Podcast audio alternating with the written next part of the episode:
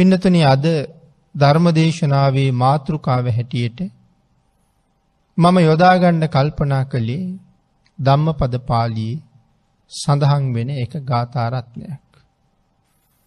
යංකින්චි ඉට්ටංව හුතංච ලෝකේ සංචජ්ජරං යජේත පුං්ඥ පෙක්කෝ. සබ්බම්පිතං න චතුභාගමේති අභිවාදනා උජ්ජු ගතේසු සෙය්යෝ කියන ගාථාරත්නය. මේ ගාථාරත්නය අපේ බුදුරජාණන් වහන්සේ දේශනා කොට වදාලේ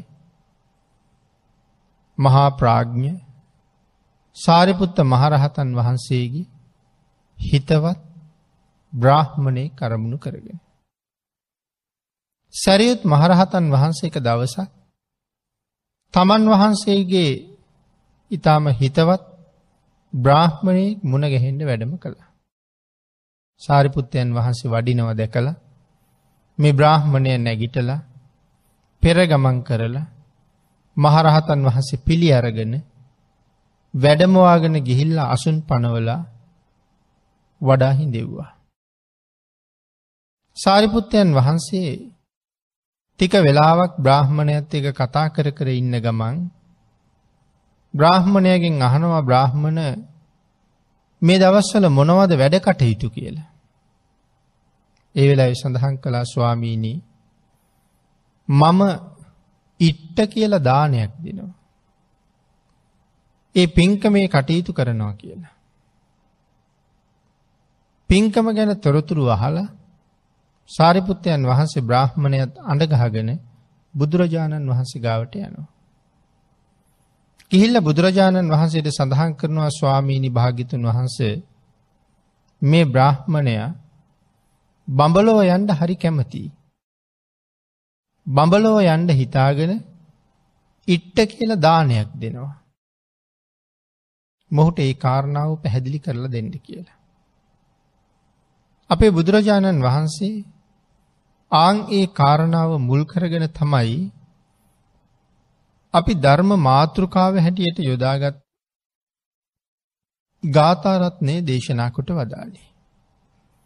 මේ ගාථාරත්නයේ සරල තේරුම සිහිපත් කරනවා මේ සත්ත ලෝකයේ පින් කැමැත්තෙන් යම් කිසි කෙනෙක් කුඩා දනක් හෝ අමුතු මහදනක් හෝ අවුරුද්දක් මුළුල්ලෙහි දුන්නේ නමුත් ඒ හැම දානයක්ම උතුම් ආර්යන් වහන්සේ නමක් වඳින්නෙකුට උපදින කුසල චේතනාව හතරකට බෙදල ඒ හතරෙන් එක කොටසක් තරංවත් වටින්නේ නෑ කියලා. එතකොට මේ උතුම් ආර්යන් වහන්සේ නමකට වන්දනා කරන එකම මොන තරං මහත් පලයිද කියන කාරණාව මෙතනදි පැහැදිලි කරනවා. එන පිනතින මෙතන සඳහන් කළා යංකින්චි ඉට්ටංව හුතංච ලෝකයේ එම සඳහන් කළේ මේ ලෝකෙහි යම්කිසි කුඩා දනක් වූ අමුතු මහ දනක් වූ. මොනවද මේ කුඩා දනක් හෝ අමුතු මහ දනක් හෝ කියල කියන. පිඟතින මේක මංගල සූත්‍රයේ මංගල කාරණා පිළිබඳව පැහැදිලි කරනකොටත් විශේෂයෙන් විස්තර කරනවා මේ කුඩා දනක් කියන්නේ. මොකක්ද එහෙම නැත්තං මංගල ක්‍රියාවේදී දින්න දානං මංගල අවස්ථාවකදී දෙන දානය. එතකොට මේ මංගල අවස්ථාවිදි කියල කියන්නේ අපිට එක පාරම හිතට එන්නේ විවාහ මංගල්ලයක් ගැන. එවුනාට මිනිස්සුන්ගේ ජීවිතවල මංගල අවස්ථා ගොඩක් තියෙනවා. ඒ පිළිබඳව මෙහෙම කරුණු ටිකක් පැහැදිලි කරනවා මොනවද ඒ මංගල අවස්ථා කියලා. ගෙපල් තැනීම. එක නිස්සරලාම ගෙයක් හදන්ඩ අපි ගැන ගෙපොල හදනවා කියලා. ඉතින් ඉස්සරලා මෙතන සුද්ධ කරන දවසත් මංගල අවස්ථාවක්. අත්තිවාරම කපන දවස කියල කියන්නේ මංගල අවස්ථාවක්. මුල්ගල් තබන දවස කියල කියන්නේ මංගල අවස්ථාවක්. ඊට අමතරව උළුවහු තැබීම මංගල අවස්ථාව. දරුවන්ගේ කෙස් කැපීම දරුවන්ට ඉඳුල් කටගෑම ඉස්සරලාම හිසේ තෙල් ගෑම මේ ආදී නොයෙක් අවස්ථා අපිට මංගල්ලයන් හා සමානයි. වැඩිවිය පැමිණීමේ මංගල්ල ආවාහ විවාහ මංගල්ල මේවාගේ අවස්ථාවලට අපි පිරිස් රැස් කරගන්නවා. ආරාධනා කරනවා. කැඳවලා ඒ පැමිණිච්චායට ආහාරපානාදීන් සංග්‍රහ කරනවා. මේවාගේ කාරණා තවත් ඕන තරන් පැහැදිලි කරන්න කරුණු තියෙනවා. එක එක ආගංවලට අනුව එක එක ජාතීන්ට අනුව මේ මංගල අවස්ථා තව තව මේ විදිහට වෙනස් වෙන්න වෙනස් වෙන්නත් පුළුවන් ඒගොල්ලන්ගේ චාරීත්‍ර වාරීත්‍රවලට අනුව. මේ කුඩා දනක් වූ කියල කියන කාරණාවට මංගල අවස්ථාවේ දෙන දානය. එතකොට මහදනක් හෝ කියල කියහම ඒ කාරණාව පැහැදිලි කරනවා. යම් කෙනෙක් ඉට්ට ඉත්ත කියන කාරණාවදී මහදනක්. මනාව සකසලා පිළියල කරලා දෙන දානය. ආහාරපාන කැවිලි පෙවිලි වස්ත්‍ර ආභරණ තවත් නොයෙක් දේවල් සකසලා පිළියල කරලා මනාව දෙන මහදන් තියෙනවා. එහෙම දන් දෙනකොට බ්‍රාහ්මණයන්ටත් දන් දෙනවා. තවත් වෙනත් ආගමික ශාස්තෘවරුන්ටත් දන් දෙනවා. නමුත් මනාව සකසලා දන් දෙනවා. යම් කිසි කුඩා දනක් හෝ මහදනක් වූ. ලෝකීය මහජනයා උදෙසා සඳහන් කරනවා මුළු සක්වල පුරාම දං හල් දානශාලා හදල දන් දෙනවා. අවුරුද්දක් මුළුල්ලේම දන් දෙනවා. ඒ දානයෙන් ලබනවද කොච්චරානි සංසයක් මුළු සක්වල මුළුල්ලේම දානශාලා හදලා අවුරුද්දක් පුරාම දන් දෙනවා. ආං එහෙම දන්දීලා ලබන ආනි සංසය මෙතන සඳහන් කරලා තියෙන භාගිතුන් වහසගේ ශාසනය උදෙසා දන් දෙන කාරණාව නෙමි. ලබන ආනිසංසය උජ්ජු ගතේසු මෙතන උද්ජූති ගතේසු කියලා කියන පිනති ආර්යන් වහන්සේලාට. සෝවාන් සකදාගාමි අනාගාමි අරිහත්. පසේබුදු සම්මා සම්බුද්ධ. මේ මහෝත්තමයන් වහන්සේලා කෙරෙහි හිත පිහිටවාගෙන යම් කෙනෙක් කරනවනං වන්දනාවක් එක මොහොතක්. ආං ඒ වන්දනාවෙන් ලබාපු කුසලය හතරකට බෙදලා එක කොටසක් ගත්තහම අර ලෝකීය මහජනයා උදෙසා සක්වල පුරාම දානශාලා හදලා දන්දුන්න කුසලය වටින් නෑ කියල සඳහන් කරනවා. ආර්යන් වහන්සේ නමකට වැඳපු කුසලේ හතරට බෙදලා එයින් එක කොටසක් තරංවත් අර දානී ආනිසංසය වටින්නේ නෑ කියන කාරණාව බුදුරජාණන් වහස පැහැදිලි කරනවා. එතකොට මේ උත්තම වූ වන්දනාව කොයි තරන්නම් ශ්‍රේෂ්ඨද. බුදුරජාණන් වහන්සේ ජීවමාන කාලෙත් පිරිනිවන් පෑව කාලෙත් අපිට භාගිතුන් වහන්සේට වන්දනා කරන්න බාධාවක් නෑ. ජීවමානව වැඩහිටපු කාලෙත් බුදුරජාණන් වහන්සේ අරමුණු කරලා තැන් තැන්ගොල වන්දනා කළ. බුදුරජාණන් වහන්සේ වෙනුවෙන් නොෙක් වස්තුූන් වන්දනා කළා. ඇ අපි පිටකේ සඳහන් වෙනවා. එක සැදහැවත් උපාසකයෙක් සහ උපාසිකාව. බුදුරජාණන් වහසේ ජීවමානව වැඩඉන්න කාලෙම. ජයශ්‍රී මහා බෝධීන් වහන්සේගේ පොත්තක්.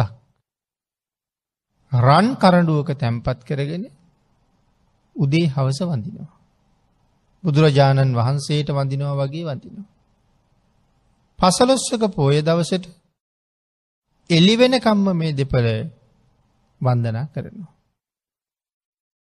එවන් දේවල් වලට කියන්නේ කපටික ධාතුන් වහන්සේල කියලා. ජයශ්‍රී මහබෝධීන් වහන්සේගේ පොත්තා. ඉතින් භාගිතන් වහසේ ධර්මාන කාලෙම භාග්‍යතුන් වහන්සේ වෙනුවෙන් වදින්ඩ ජේතවනාරාමි ජයශ්‍රී මහා බෝධීන් වහන්සේගේ අංකුරයක් රෝපණය කළා අග්‍ර උපස්ථායක ආනන්දයන් වහන්සේගේ ප්‍රධානත්තේ. ඒ භාගිතුන් වහසේ නැති වෙලාවට එන සැදැහැවතුන්ට වන්දනාමාන කරගන්නට. අද බුදුරජාණන් වහන්සේ මේ පැත්තේ වැඩ ඉන්නවා. කියලා හිතලා ඒ පැත්තට හැරිලත් වැඳල තියෙනවා.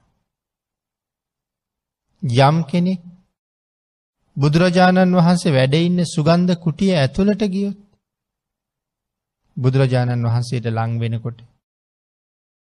බුද්ධ ශරීරයෙන් නික්මෙන බුද්ධ රශ්මි ධාරාව ඇතුළට අපි ගියා වෙනවා.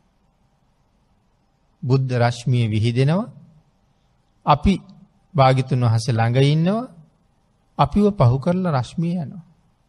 අපේ ඇගෙත් ඒ රශ්මය වැදෙනවා.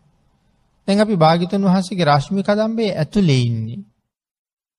ඉති එහෙම ළඟට ලංවෙන්ඩ සංසාරය හුඟාක් පින් තියෙන්ට ඕනේ. හැමෝටම බුදුරජාණන් වහස ළඟට යන්න බෑ. සසර මහා පුුණ්‍යවන්තයෝ තමයි ළඟටම ගිහිල්ලවෙන්. නමුත් දුරයිඳලා වැන්ද කියලා ආනිසන්සේ අඩුවක් අඩුවක් නෑ හිත පැහැදීම ළඟ තමයි ඒ උසස් භාවය සහ පහත් භාවී තියෙන්. ආනිසංසය අඩුද වැඩිද කියන එක තියෙන්නේ හිතේ පැහැදීමත් එක්. නමුත් ලැබුණොත් රශ්මික දම්බේ ඇතුළටම ගිහිල්ල වඳින්ට කොයි තරං ශ්‍රද්ධාවෙන් වඳීද. ආං එදා හිත පහදවාගත්ත හැටියට චෛත්‍යරාජාණන් වහන්සළඟ බෝධීන් වහන්සළඟ පිළිම වහන්සළඟ වඳින්ඩත් පුළුවන්. සරුවඥ ධාතුන් වහන්සළඟ වඳින්නත් පුළුවන්. එහෙනම් භාගිතුන් වහන්සේට වඳින්ඩ එදත් අදත් අපිට බාධාවක් තියෙනවද. අඩුපාඩුවක් තියෙනවද. හරියට හිත පහදුවල වැන්දුත් ලැබෙන ආනිසන්සේ කොච්චරද කියන කාරණාව අපට දැන් මේකෙන්ම වැටහෙනවා. නමුත් පිනතින අපි ගැන කල්පනා කරල බැලුවොත් අපි පිනතුන් හිතන්ඩකෝ අපි බුදුරජාණන් වහන්සේට දවස කී පාරක් වැන්දද. සමහර කෙනෙක් මාසකට වතාවක්කොත් ඇඳලනේ. සමහර කෙනෙක් අවුරුද්ධකට සැරයක්කොත් ඇඳලනේ. සමහර කෙනෙක් හිටගෙනම වැඳල යනවා. ඒ යන්නේ කොහාට දිතකොට. වෙනත් ලෞකික කටයුත්තක් සඳහා. භාගිතුන් වහසේට වඳින්ඩවත් වෙලාවක් නෑ. හිටගෙනම ඔළුව නමල යනු. එමතන් හිටගෙනම ඒ පැත්ත දිහ බලාගෙන ඔළුව නැමිල්ලකුත් නෑ දෝත එකතු කරලා යන. නමුත් සසර දුක් සසර බය අපිට සම්පූර්ණයෙන්ම කියල දුන්නේ බුදුරජාණන් වහන්සේ.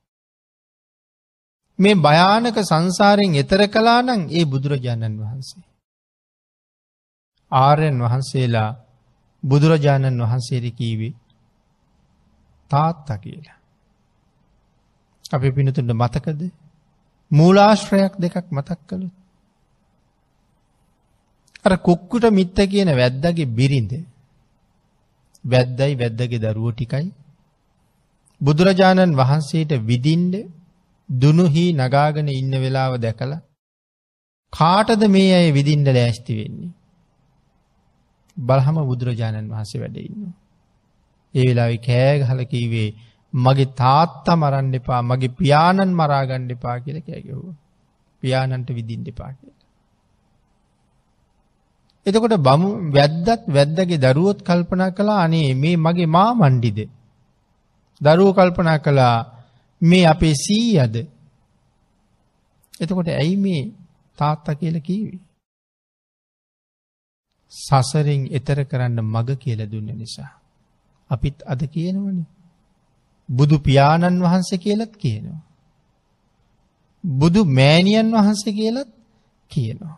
එන සසර අතර මංවෙච්ච සත්වයාගේ මවයි පියයි දෙන්නම බවට පත්වෙනවා භාගිතුන් වහන්සේ. ඇයි උත්තරාව උත්තරා දේවියගේ ඇඟට එක වෛශ්‍යාවක් උනු තෙල්වැක් කිරුව සිරිමා. පස්සෙ කාරණාව දැනගෙන සිරිමා උත්තරාගෙන් සමාව ඉල්ලුවා. උත්තර සඳහන් කළා මගෙන් සමාව ගත්තට වැඩක් නෑ. මගේ තාත්තගෙන් සමාව ගණ්ඩ තාත්ත සමාව දුන්නොත් මං සමාව දෙන්නම් කියලා. එනම් මම පුන්න සිටුවරය හොයාගෙන ගිහිල්ල සමාව ගන්නන් කියල කෙනකොට උත්තරාදේවිය සඳහන් කළේ පුන්න සිටුවරයගෙන් සමාවාරං වැඩක් නෑ. පුන්න සිටුවරය කියල කියන්නේ මගේ පංචස්කන්දය පෝෂණය කරපු තාත්තා. නමුත් මං සසරින් එතර කරපු තාත්තා තමයි මගේ හැබෑ තාත්තා. ඒ කෞුද කියල සිරි මහපු හම සඳහන් කළේ ඒ ලොවතුරා භාග්‍යතුන් වහන්සේ. උන්වහන්සගෙන් සමාව ගන්න. එතකොට තාත්ත කියල හඳුන්නපු තව තැන. ඉති එතකොට ලෝක සත්වයාට මවික් පියෙක් බවට පත්වෙනවා භාගිතුන් වහන්සේ. නතං මාතා පිතා කෛරා අන්යේ වාපිජ ඥාතකා.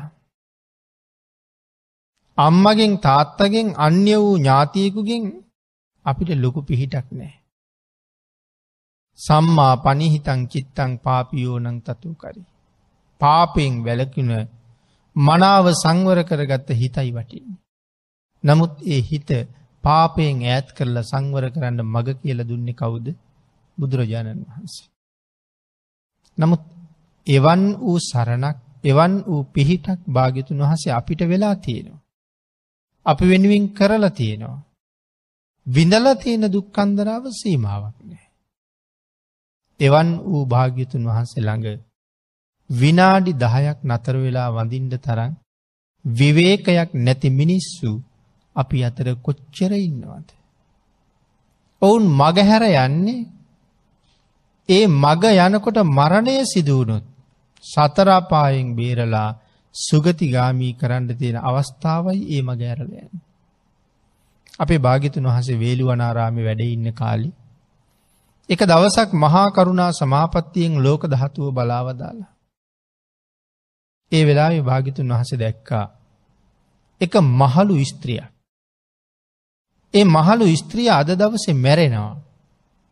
මැරිල ඇය ගිහිල්ල උපදින්නේ නිරයේ භාගිතුන් වහස කල්පනා කළා මැයට මම අනුකම්පා කරන්න ඕන කියලා.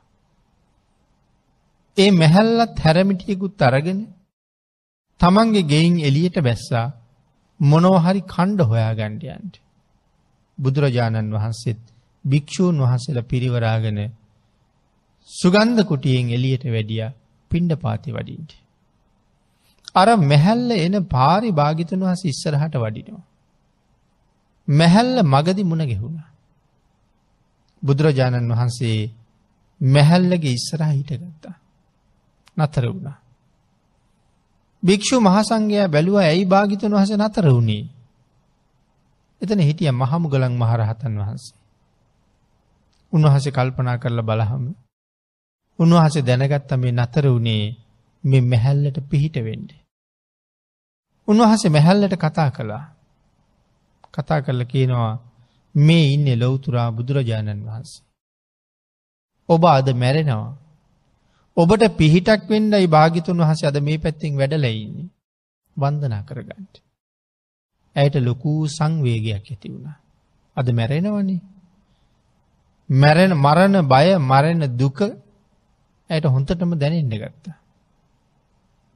ඇය බුදුරජාණන් වහන්සේට පසඟ පිහිටවල වන්දනා කළා. වැඳල නැගිටලා පාරෙන් ඈත්වෙලා දොහොත් මුදුන් දීගෙන බුදුරජාණන් වහස වඩින දිහා බොහෝම ප්‍රසාදයෙන් බලාගෙන හිටිය. කලබල වෙච්ච තරුණ එල දෙෙන හදිසියේම ඒ මැහැල්ලට ඇන්ල මරල දැම්ම. මරණයත් සමගම ඇය ගිහිල්ලා දිවිය ලෝකෙ දිව්‍යාංගනාවන් දහසක් පිරිවරාගෙන උපත්තිය ලැබවා. එතකොට ඇය මැරිලා යන්න හිටිය නිරේට. නමුත් භාගිතුන් වහන්සේට මේ කරපු සුළු වන්දනාව ඇය සුගති ගාමී කරවන්න තරම් හේතුවක් බවට පත් වුණා. එහෙමනම් සල්ලි මිලමුදල් වියදන් කරලා ආරාම හදල පන්සල් හදල ලොකූවට දානමාන දීල මහාකුසල් රැස්කරගණ්ඩ අවස්ථාවක් සසර ලැබිල නැතත්. ආර්ථික අපහසුතා මධ්‍යයේ ඉපදිලා ඉන්නව නමුත් හිත පහදවාගෙන මේ රත්නත්‍රය වන්දනා කරනවනං යම් කෙනෙක්. ඔවුන් මොන තරන් තමන්ගේ ආත්මයට සාධහරණයක් කරගත්ත වෙනවාද. සතර අපායට පිටුපාණ්ඩ ඉතාම පහසු අවස්ථා කොච්චර මේ ශාසනය පෙන්නලා දීල තියෙනවාද. පින්නතුන අකුසලය අපිව පහු කරල ගිහිල්ල නිසා. ඉතාම පහසුවෙන් කුසල් රැස් කරගණ්ඩ තියෙන අවස්ථා අපින් මගහැරෙනවා. ඒ අකුසලේ මට ඉස්සර වෙලා ගිහිල්ල. අකුසලේ මට ඉස්සර වුණහම මං අකුසලයට යට වෙනවා. ඉතින් අකුසලේ මාව පහු කරල ගීපු නිසා බොහෝ දෙනාට නැතන් අකුසලේ ඔවුන් පහු කරල ගිහිල්ල නිසා බොහෝ දෙනාට මෙවන් කුසල් ලබන්ඩ තියෙන අවස්ථාටික මගෑරිල යන. ඒක මහත් වූ අවාසනාවක්. පිළිතුරි මහාකාත්‍යය අයන මහරහතන් වහන්සේ. එක දවසක් මදුරා කියන ප්‍රදේශයේ වැඩ ඉන්න කාලෙ. එක බ්‍රාහ්මණය මහාකාත්‍යයන් වහසලකට හොයාගෙන එනවා. හොයාගෙන ඇවිල්ලා මහාකාත්‍යයන් වහන්සට කියනවා මම අහල තිබුණා. ඔබල වැඩිහිටියන්ට ගරු කරන්නේ නෑ කියලා. ඔබල වැඩිහිටියන්ට ගරු කරන්නේ කියලා මම හල තිබ්බා. හැබැයි අද මම ඒක ඇත්ත වශයෙන්ම ප්‍රත්‍යක්ෂ කරගත්තා. ඒ කොහොමද ප්‍රත්‍යක්ෂ කරගත්තේ. ඇයි මේ බ්‍රාහ්මණයට හුඟ වයසයි. බ්‍රාහ්මණය එනවා දැකලා. මහා කායිත්‍යයන් වහන්සේ නැගිටලා පෙරගමන්ගියත් නෑ. බ්‍රාහ්මණයව පිළිගත්තෙත් නෑ. ආසන පැනෙව්වෙත් නෑ. දෙපා දෝවනය කළෙත් නෑ. වෙනත් කිසිත් වත් පිළිවෙත් මොකොවත්ම කාත්‍යයනෙන් වහස කළේ නෑ. නමුත් බ්‍රාහ්මණයට වඩා වයිසිම් බාලයි. ඒ නිසා බ්‍රාහ්මණය කියනවා වැඩිහිටියන්ට සලකන්නේ මං එක අහල තිබ්බා අද එක ප්‍රත්‍යක්ෂ වශයෙන්ම දැක්ක කියලා. අං ඒ වෙලාවේ මහා කාත්‍යයන් වහන්සේ මේ බ්‍රාහ්මණයට සඳහන් කරනවා. බ්‍රාහ්මණය වෘර්ධ භූමියයි දහර භූමියයි කියල භූමීන් දෙකක් අපේ භාග්‍යතුන් වහන්සේ පෙන්නුම් කරලා තියෙන. වෘර්ධ භූමියයි දහර භූමියයි කියල දෙකක්. එලකට උන්වහසේ සඳහන් කළා මෙහි යමෙක් උප්පත්තියෙන් අවුරුදු අසුවක් අවුරුදු අනුවක් අවුරුදු සීයක් වයස්ගත වෙලා. නමුත් ඔහු තාම කාමසේවනය කරනවද? කාම දාහයෙන් රෑදවල් දැවිදැවී සිටිනවද? කාම වස්තුූන් සොයාගෙන යනවද? ඔහු මහල්ලෙක් නොවේමය. වයස එතකොට අවුරුදු අසුවක් අනුවක් සීයක් විතර වෙලා. තාමත් ඉන්නේ කාම වස්තුූන් ගැන හිත හිත. කාම සේවනය ගැන හිත හිත. ආං එහෙමනං ඔහු මහල්ලෙක් නොවේමය කියල සඳහන් කරනවා. වයසින් මහළු වුවත් කටයුතු අතින් ඔහු මහළු නොවේ. වයසින් මහළුයි නමුත් කටයුතුවලින් ඔහු මහළු නෑ කියල සඳහන් කරනවා. කටයුතු අතින් බාලයෙක්මයි යමෙක් විසින් තොට මොහු වයසනෑ කටයුතු අතින් ඉතාම බාලයි. වයසින් වයසගිහිල්ල නමුත් කටයුතුවලින් බාලයි. ඊළඟට සඳහන් කරනවා යම් කෙනෙක් තිස් අවුරුදු වයසේ. මෙතන සඳහන් කරන්න වයසින් ප්‍රථම වයසේ කියලා. එතකොට එන මධ්‍යම වයස වෙනකොට අවුරුදු හැටක් විතර වෙලා. අන්තිම වයස වෙනකොට අවුරුදු අනුවක් විතර වෙලා. සාමාන්‍යයෙන් මේ කාලේ මිනිස්සුන්ගේ පරමාවිශය අවුරුදු එකසිය විස්සක් විතර. සීයට වැඩි ඉතාමත්. සීයට අඩු වනහම මිනිස්සුන්ට ධර්මය තේරෙන්නේ නෑ කියල කියන්නේ. පරමාවිශ සීයට අඩුවනහම ධර්මය තේරෙන්නේ. අදත් අපි හැටෙන් හැත්තෑවෙන් අසුවෙන් මැරිල යනවා. නමුත් අපි ඒ පරමාවිශ බුක්තිවිඳල නෙමෙයි මැරෙන්නේ. පරමාවිශයම බුක්තිවින්දනම් මේ කාලේ කොහොමත් සීය පහු කරන්නුවන.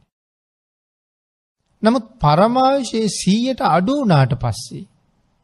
මිනිස්සුන්ට ධර්මය තේරෙන්නේ කියන ඇයිඒ මිනිස්සුන්ගේ තන්හාාව වැඩි වෙන. ඒ කාලෙ වෙනකොට තන්හාාව තවත් වැඩි. දැ අපි මුලින් කතා කරපු විදිහට තන්හාාව වැඩිහින්දමනේ බුදුරජාණන් වහන්සේ ළඟ දනගහල වඳින්ඩවත් වෙලාවක් නැත්තේ. ඒ තරම් කටයුතු තියෙනවා. මේ කාලෙත් බණක් අහන්ඩවත් වෙලාවක් නෑ. හුඟක් දෙන බණපිංකමකට එන්ඩ කියන නිසා ඇවිල්ල මූුණ පෙන්නලා හිමීට යනවා. සමහරය බණහන අතරෙත් දුරකතන ඇමතුන් වලටත් උත්තර දෙනවා. එකන්නේ හිත පිහිටවාගෙන බණක් අහන්ඩ තරං විවේකයක් නෑ මිනිස්සුන්ට. සමහල්ලාට දුර ඇමතුමා දුරකතන ඇමතුමාවට පස්සේ බනාහනක නවත්තල නැගිටල යනවා. ඊට වඩා වටින දෙයක් වගේ ඒ කටයුත්ත. ප්‍රඥාව නැති නිසා. තන්හාාව වැඩි නිසා. ඉති මෙතන එතකොට සඳහන් කරන ඇහුණු තවුරුදු අනුව සීය කාලි ගැනම කතා කරනව ඇත්ති. අවුරුදු තිහක් තරම් වූ ප්‍රථම වයසේ ජීවත්වෙන කෙනෙක් බ්‍රහ්මණය කාමසේවනයෙන් වෙන් වෙලානං රෑ දවල් කාම දාහෙන් පිච්චෙන්නේ නැත්තං පංච කාමය උදෙසා කටයුතු කරන්න නැත්තං ඒ සියල්ලෙන් වැලකිලා කටයුතු කරනවනං ඔවුන් ඉතාම ගුණවත්. ඔවුන් ඉතාම සිල්වත්. ආංගේ ගුණවත් සිල්වත් උත්තමයෝ. කාම දාහෙන් දැවි දෙවී ජීවත්වෙන අයට සත්කාර කරන්න එන්නේ නෑ. කියන කාරණාටික මනාව පැහැදිලි කරලා දුන්න හම මේ බ්‍රාහ්මණය කියනවා එහෙමයි ස්වාමීණී එහෙමයි තේරුණා ස්වාමීණි වැටහුණා. ඒ බ්‍රාහ්මණයා ඊට පස්සේ නැගිටලා තමන්ගේ උතුරු සලුව ඒ කාංස කරලා එදාම පැවිදි වෙච්ච පුංචි හාමුදුරුවරුන්ගේ ඉඳලා. එදාම පැවිදි වෙච්ච ස්වාමීන් වහන්සේලගේ ඉඳලා මහාකාත්‍යයනයන් වහන්සේ ළඟට යනක. ඇත මහාකාත්‍යයනයන් වහන්සේ ඉඳලා අලුත පැවිදි වෙච්ච සාමනේරයන් වහන්සේල දක්වා සියලු දෙනාගේම දෙපා අල්ලලා දෙපා සිඹ සිඹ වන්දනා කලා කියල සඳහන් කරන. අර ගුණය ගැන දැනගත්තට පස්සේ. ඉතින් ඒ වන්දනාව මොනතරං මහත් පලද. ඒ වන්දනාව මොනතරං ශ්‍රේෂ්ඨද ඒ වන්දනාව කොයි තරං උත්කෘෂ්ටද තමන්ගේ හිතේ හැටියට. වන්දනාමේ අවස්ථා තුනක් පිළිබඳව කරුණු පැහැදිලි කරනවා. ටීකාවෙත් වන්දනාව ගැන කරුණු තව බොහොම කියන. විශේෂයෙන් සඳහන් කරනවා අපි දන්නවා දණ්ඩ වන්දනාව. පසඟ පිහිටවල වන්දනා කිරීම. ඉට අමතරව උත්කුටික වන්දනාව. මේ ආදී නොයෙක් වන්දනා ක්‍රම ධර්මය සඳහන් කරනවා. දණ්ඩ නමස්කාරය කියල කියන්නේ සම්පූර්ණ ශරීරයේ බිම දිගා කරලා දෝත එකතු කරලා අත් දෙක දික් කරලා වන්දනා කරන එක. සුමේද තාපසතුමා භාගිතුන් වහසට වන්දනා කරපු හැටි. දීපංකර භාගිතුන් වහන්සේට. එක උදාහරණයට එතකොට අපි දන්නවා මොකක්ද දණ්ඩ නමස්කාරය කියන කියලා. පසඟ පිහිටෝල වඳිනවා කියනකොට. දනිස් දෙකම බිමතියල වැලමිටි දෙකම බිමතියල නලල් තලයත් බිමතියලා කරන වන්දනාව. එක හරියටම වඳිනකොට දෝත එකතු කරලා නලලිතියාගෙන තමයි පාත්වෙන්නේ. පාත්වෙලා දෙවැල මිටත් බිමතියල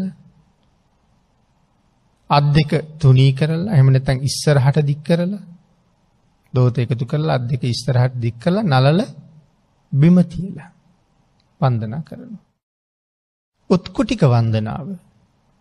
මහා බ්‍රහ්මයා ධර්ම දේශනා කරන්න ඉස්සරලාම භාගිතුන් වහසට ආරාධනා කරන වෙලාවේ වන්දනා කරපු හැටි. අපේ ඇය පින්තූරෝලින් විහාරවල එහෙම දැකල ඇති. එක දනහිසක් බිමතියලා. අනික් දනහිස බිමතියන් නෑ. දෝත එකතු කරලා නලලි තියලා. වම් දනහිස මත වම් වැලමිට තියලා. ඔළුව පාත් කරලා කරන වන්දනා. මේ ආදී වන්දනා ක්‍රම සඳහන් කරලා තියෙනවා. හැබැයි නියම වන්දනාව සඳහන් කරනකොට පසඟ පිහිටවාගෙන මේ පසඟ පිහිටුවල වඳිනකොට. ඊළඟට වන්දනාව ලබන ගුණවෘදයන් වහන්සේගේ. පාද දෙක පතුල් දෙක තමන්ගේ අත්ලෙෙන් හාත් පස සම්බාහනය කර කර වඳින. කොසොල් මහරජ්ජුරු බුදුරජාණන් වහන්සේට වඳිනකොට එහෙම වැඳගෙන සිරිපතුල් දෙක සම්බාහනය කර කර ස්වාමීණි මම කොසොල් රජුවෙමි ස්වාමීණි මම කොසොල් රජුවෙමි කියලා තමන් කවුද කියලා කිය කියා වන්දනා කරලා තියෙනවා. හාත් පස විළුම්ඹ පැත්තේ ඉඳලම සම්බාහනය කලා කියල කියනවා. මේ කරුණු අපේ ධර්මය සඳහන් වෙනවා. නමුත් එච්චර ප්‍රසිද්ධ නෑ. ඇයි ප්‍රසිද්ධියට එන්න නැත්ති. පිනතන මෙව්වා මේ ශාසනයේ ඉතාම ප්‍රාථමික කාරණ.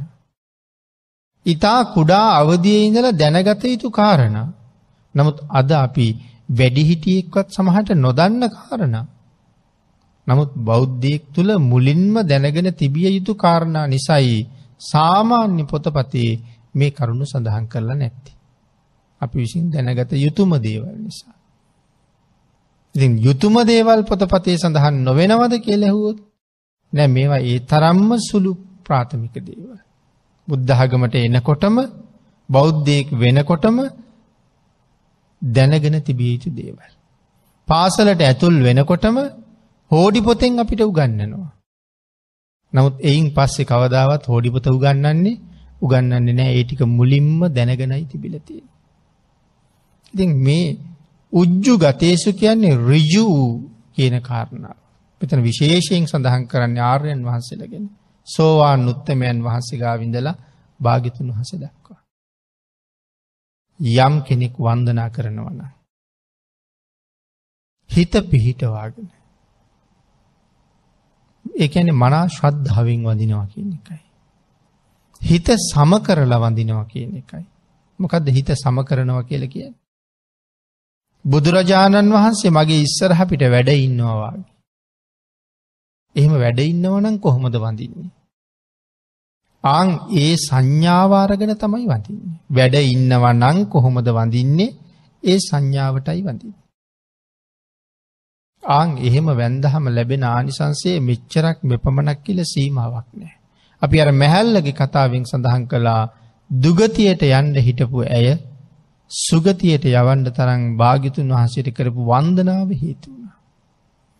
එනම් සිත පහදවාගෙන ශ්‍රද්ධාව උපදවාගෙන යටත් පිරිසෙන් දවසකට දෙපාර භාගිතුන් වහන්සේට වන්දනා කරනවන්නන් මොන තරං කුසල් එකතු වෙනවද ජීවිතයට ශ්‍රද්ධාවෙන් වන්දනා කළ.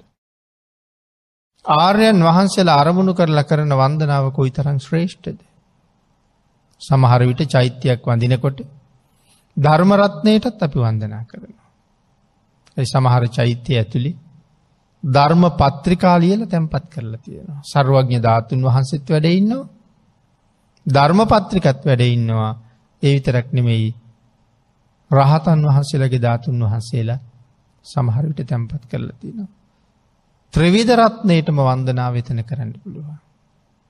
මේ විදිහට කල්පනා කර කර ප්‍රඥ්ඥාව මෙහේවලා යම් වන්දනාවක් කරගණ්ඩ ලැබෙනවනං ඔවුනුත් මේ සංසාරය මහාවාසනාවන්තයෝ කියලයි සඳහන් කරන්න වෙන්නේ.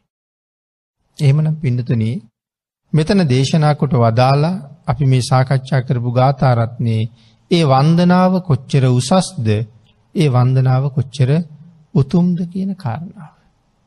ඒ කාරණාව පැහැදිලි කරනකොට මේ ගාථාරත්නයට අනුව කරුණු සඳහන් කළා මේ සත්ව ලෝකයේ විශේෂයෙන් එහෙම සඳහන් කළේ දාන සීල භාවනාදී පින්කම් කරන සත්ව ලෝකයෙන් මින්ගැනේ කියන. සත්ව ලෝකය කියල කියහම දාන සීල භාවනාදී පින්කං කරන අය ගැන තමයි මේ කතා කරලා තියෙන්නේ. එතකොට එහෙම සඳහන් කළේ